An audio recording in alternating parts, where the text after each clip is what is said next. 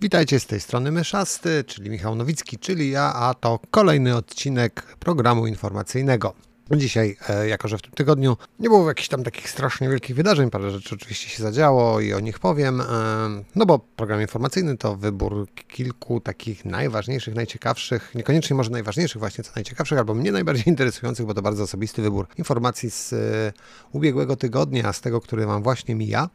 I tym razem będzie sporo w sumie o pieniądzach w ten czy inny sposób. I zaczniemy nawet w ten sposób i to od bardzo dużych i grubych pieniędzy, a w zasadzie od wielkiej chyba finansowej wpadki e, Square Enix, które no nie jest zadowolone ani pocieszone tym, co się dzieje z, ze sprzedażą Forspoken, który jest grą średnio udaną, w zasadzie nieudaną. Wszyscy liczyli wydawca też przede wszystkim pewnie. Wielki sukces finansowy, komercyjny, dobre recenzje i, i, na to, że gra no, będzie, że tak powiem, tutaj kontynuowała, no bo jednak jakby na to nie patrzeć, większość gier, które Square wydaje jest jakościowo dobrymi produkcjami, są te gry i no nie zawodzą, no może czasami nie są jakimiś super hitami, ale przynajmniej no, dowożą to, co mają dowieść, a tutaj taka niespodzianeczka, bardzo przykra i cóż, no Square zapewne, no nie, nie będzie tak, że oni wpadną w jakieś straszliwe tarapaty finansowe, no bo jednak mają e, kilka tych produkcji w swoim portfolio i jakoś tam się trzymają, prawda, dadzą sobie radę.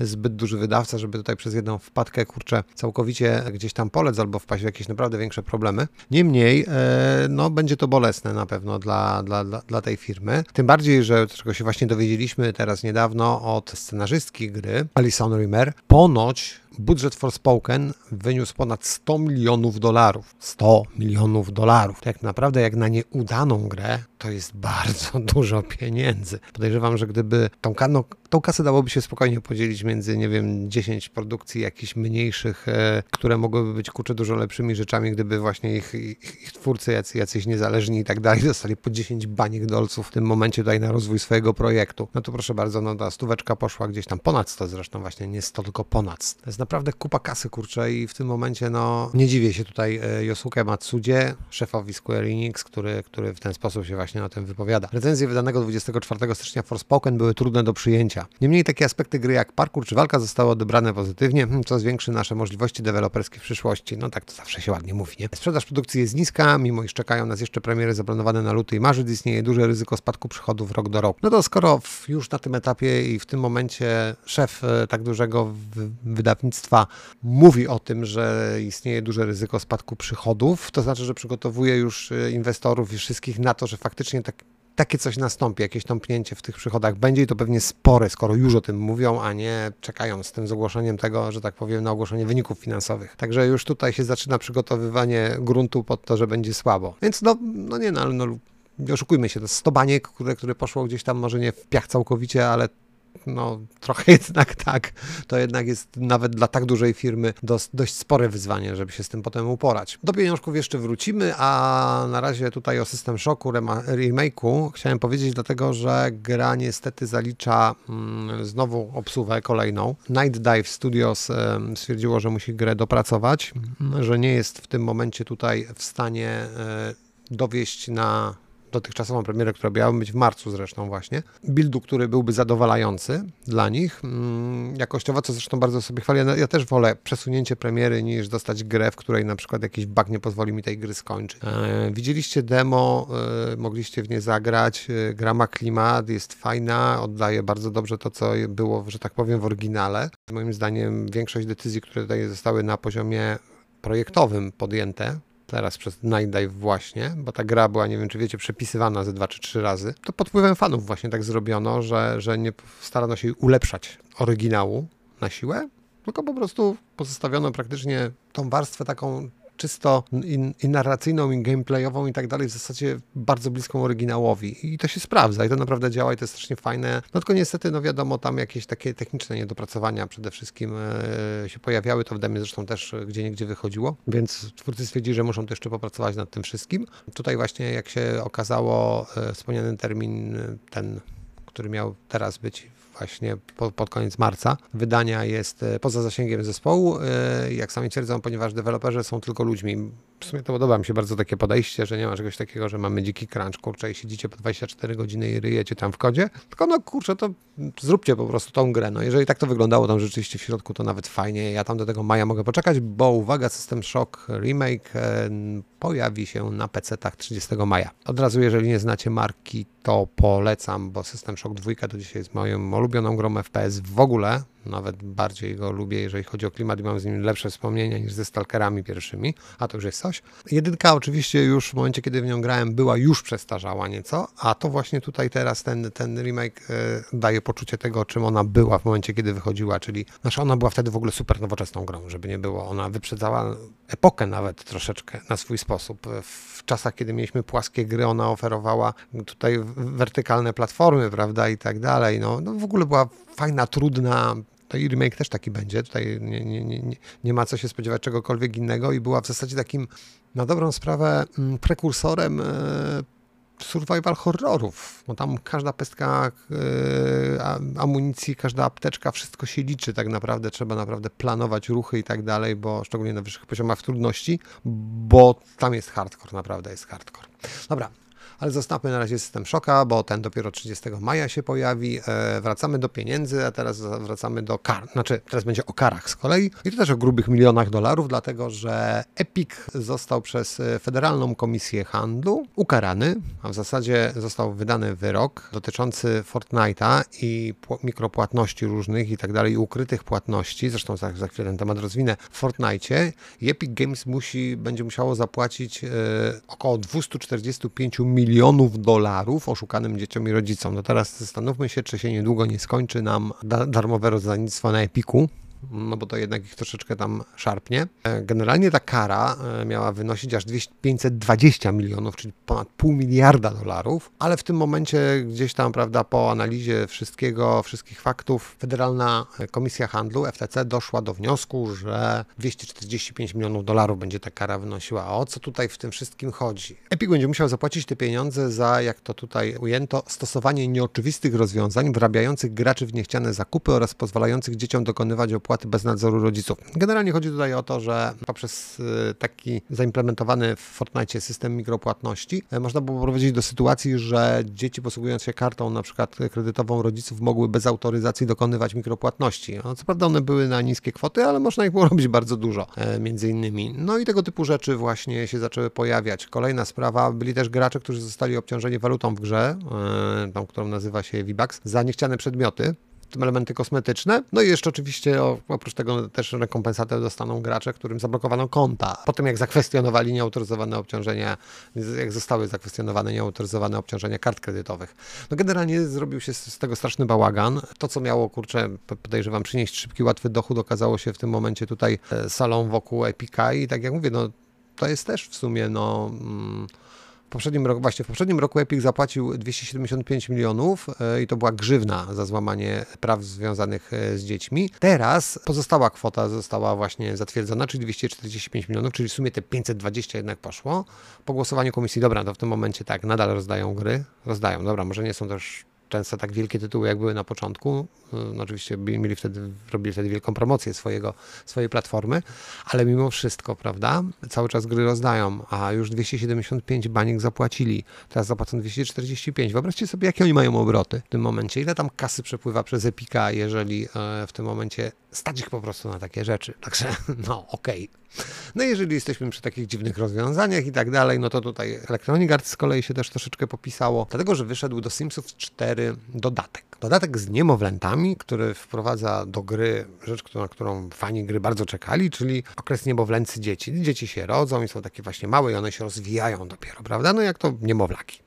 Wcześniej tego w ogóle nie było. I teraz uwaga, taki ciekawy myk, bo sama aktualizacja wprowadzająca ten element rozgrywki jest darmowa i dostępna dla wszystkich. Czyli po prostu te niemowlaki będą u każdego. Ale fani donoszą, że w momencie, kiedy nie zapłaci się za dodatek razem raźniej, który rozszerza jak gdyby funkcjonalność e, tych niemowlaków w, samej grze, to tak naprawdę jest to element tak upierdliwy, męczący i pozbawiony w ogóle jakiejkolwiek głębi przyjemności czy czegokolwiek, że aż odrzucający od gry. No i w tym momencie po prostu ludzie grający w grę, a no jeżeli tutaj gramy z simami, prawda, i oni gdzieś tam będą mieli dzieci, to musimy przez ten okres przejść po prostu, bo się nie da inaczej, a on jest podobno praktycznie niegrywalny e, w momencie, kiedy nie zapłacimy za dodatek. Tutaj posłużę się takim e, sporym e, cytatem, dość długim, ale dość dobrze informującym, że tak powiem, na temat tego, jak to wygląda po prostu. Ograniczyli wszystko, czym byliśmy podekscytowani, zawierając to tylko w dodatku. Dlaczego mamy płacić za posiadanie niemowląt w pełnym zakresie? Nie zrobili tego z małymi dziećmi. Tak może i stworzyli dla nich akcesoria, ale nie rozszerzały one funkcji rozgrywki. Trochę tak jakby wypuścili małe dzieci, ale opcje nauki chodzenia i mówienia były dostępne po zapłaceniu. Właściwie to nie mogę uwierzyć, że musimy płacić za rzeczy typu kamienie milowe, osobowość czy zdolności motoryczne. Być może przesadzam, ale jest to bardzo chciwe z ich strony. Jak na razie niemowlęta bez nowego dodatku są nudne. Nie dostajemy nawet przewijaka czy maty do zabawy, za które musimy również zapłacić. Nie wspominając już o tym, że musimy też płacić za pojemnik na pieluszki.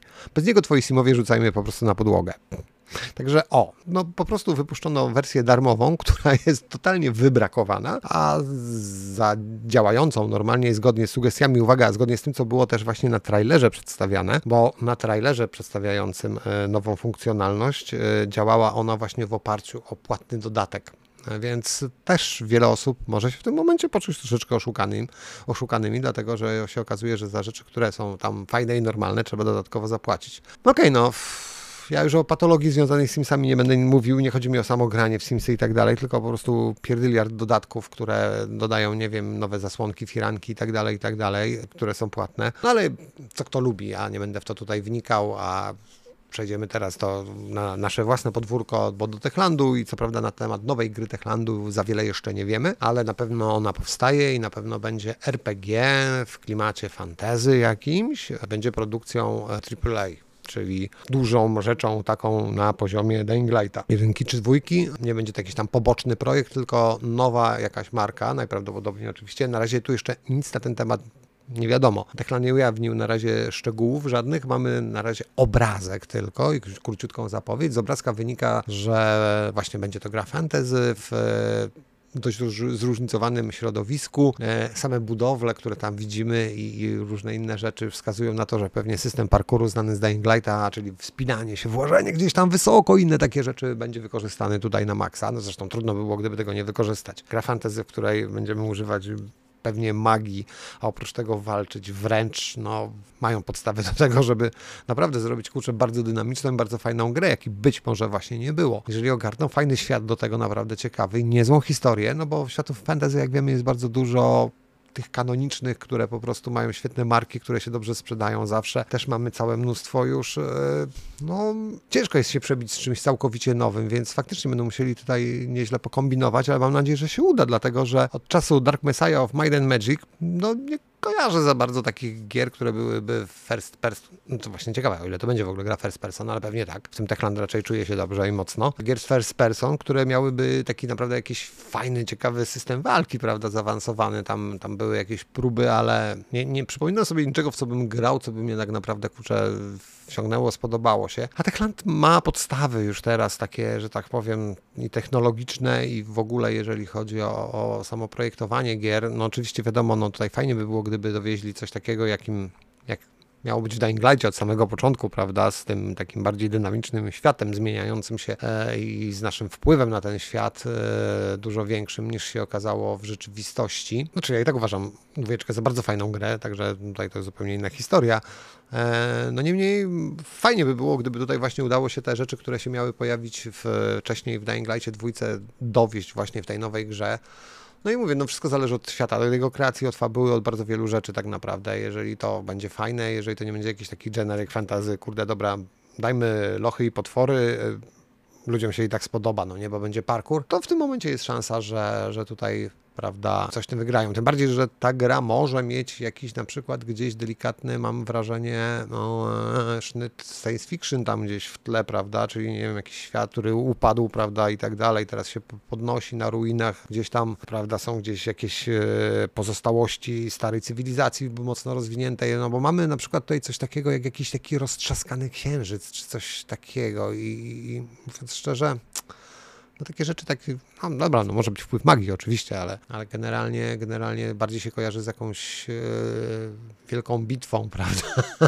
z uderzeniem Gwiazdy Śmierci albo czymś takim. Ale dobra, dobra, dobra, koniec spekulowania. Poczekamy, poczekamy niedługo. Myślę, że jakieś informacje kolejne zaczną się pojawiać, bo skoro zatisowali kurczę grę w ten sposób, to pewnie właśnie po to, żeby rozbudzić nasze zainteresowanie i czekać na kolejne informacje. Mm, no dobra, teraz tak, informacja taka jeszcze ciekawa dla fanów FIFA, dlatego że no wiadomo, FIFA 25 będzie tworzona, uwaga, przez FIFA. Tak, to nie jest pomyłka. FIFA będzie tworzyć grę. No, umowa e, zakończyła się pomiędzy EA a FIFA więc e, gry EA nie będą mogły mieć już tytułu FIFA. Ci będą natomiast kontynuować ten cykl i sami wydadzą grę, która będzie zatytułowana FIFA 25. No tutaj pojawiła się informacja na przykład na właśnie na Twitterze, że dziennikarz sportowy The Times zresztą, e, Martin Ziegler, publikował na Twitterze wypowiedź prezesa FIFA, czyli Gianniego Infantino, która brzmi mniej więcej w ten sposób. Infantino powiedział, że FIFA będzie rywalizować z EA Sports, wypuszczając konkurencyjną grę wideo. EA Sports odrzuciło żądania finansowe do zachowania nazwy FIFA. Nowa gra FIFA, FIFA 25, 26, 27 i tak dalej, zawsze będzie najlepszą grą dla każdej dziewczyny lub chłopaka. Wkrótce będziemy więcej o tym informować. Tak.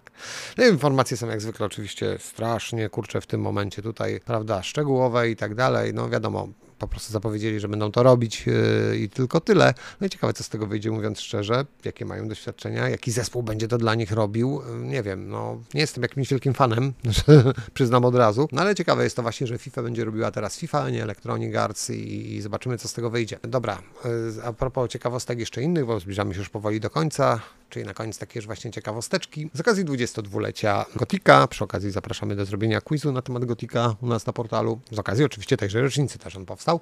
Twórcy gry, no w zasadzie deweloperzy, no THQ Nordic po prostu, czyli wydawca, podzielił się, mm, że tak powiem, na Discordzie pewnym screenem i co to za, ten, na tym screenie, co, co mamy na tym screenie, tak? Z postem celebrującym urodziny gry i tak dalej, dorzucili screen, na którym można zobaczyć e, bezimiennego z pierwszego gotika, że miał to pierwszy gotik, bezimiennego z kilofem na plecach, przemierzającego górniczą dolinę i uwaga, gra ma w tym momencie konsolowy interfejs. No, ekran ekwipunku akurat widać podzielony na trzy sekcje. No i generalnie właśnie mamy tam stroje, prawda, inwentory i generalnie jest, są przyciski po prostu e, konsolowe A, X, Y, B i tak dalej, e, przyciski e, LR do przewijania ekwipunku, także ewidentnie konsolowy interfejs i cóż, taka informacja jeszcze się pojawiła. W ramach prezentu chcemy kontynuować naszą ostatnią zapowiedź i pokazać Wam coś podobnego, miłej zabawy. Oczekujcie kolejnych aktualizacji napisał jeden z twórców właśnie e, na Discordzie. No cóż, no nie wiem, czy to żart, czy nie, ale może faktycznie szykuje się, no oprócz tego, że powstaje remake oczywiście przez cały czas, szykuje się po prostu pierwszy Gothic wersja na konsolę. Czemu nie? Czemu nie? Można po 22 latach. W sumie przecież jejku, no. Nowe konsole spokojnie uciągną takie drewno, dadzą sobie radę, na, nie ma się co przejmować. No i właśnie też ciekawe, czy będzie dodatek. Pewnie będzie wraz z dodatkiem. Czyli nocą kruka. Mm, no i dobra, ostatnia już wiadomość na dzisiaj. Tym razem e, z World of Warcraft. Tak, ta gra wciąż istnieje. Gdybyście nie wiedzieli, nadal istnieje. Wychodzą do niej dodatki. E, istnieją gildie, ludzie grają. Naprawdę, to, to, to to cały czas trwa, żeby nie było i uwaga, uwaga, uwaga, zbliża się koniec świata chyba faktycznie, bo dzieją się rzeczy takie, że prawie piekło zamarza. Otóż, uwaga, Blizzard zdecydował, że już niedługo Horda i Przymierze będą mogły tworzyć wspólne gildie. Tada! Tak, najwięksi wrogowie w tym uniwersum będą działać razem. No dobra, nie będzie to takie oczywiście bardzo totalnie ekumeniczne, że po prostu będzie wspólna gildia i tak dalej, ona będzie jednak przyporządkowana do którejś z frakcji w pewien sposób, to posłużę się tutaj może, żeby niczego nie przeinaczyć, cytatem właśnie od nas z Gramu. W notatkach deweloperskich, które znajdziemy na oficjalnym forum gry, można, możemy przeczytać, że gildie pozostaną skojarzone z jedną z dwóch wspomnianych frakcji, o czym decydować będzie przynależność lidera, czyli ten, kto będzie przywodził frakcji, znaczy gildii, będzie w tym momencie w zasadzie do, jak gdyby do jego frakcji przypisana ta gildia. Z tego względu pewne elementy, jak chociażby grupowe osiągnięcia, będą związane z jedną lub drugą stroną, aczkolwiek członkowie będą mogli cieszyć się korzyściami związanymi z grupowymi perkami. No i generalnie oczywiście nie będą mogli brać udziału w, w pewnych e, akcjach, rajdach tak tak dalej. Niemniej w samej gildii będą mogli razem funkcjonować. No czyli tak, no hej, ktoś tam gdzieś na, narzekał, że ma kumpla, który e, jest w hordzie, a on jest w przymierzu i w ogóle chcieliby sobie być razem w gildii, żeby mieć ten sam napisik, kurczę i tak dalej, i tak dalej, no to jest możliwość, będzie taka, będzie można tak zrobić. No cóż, no, mówi się trudno, no co, no. Po tylu latach, po tylu latach ktoś w końcu, kurczę, wpadł na to, żeby żeby jednak zasypać ten wielki rów. No dobra, a my w tym czasem będziemy się żegnać. Yy, Trzymajcie się do następnego razu. Miejmy nadzieję, że w przyszłym tygodniu będzie dużo więcej, dużo jeszcze fajniejszych informacji, które będę mógł Wam przekazać. Na razie, trzymajcie się, hej.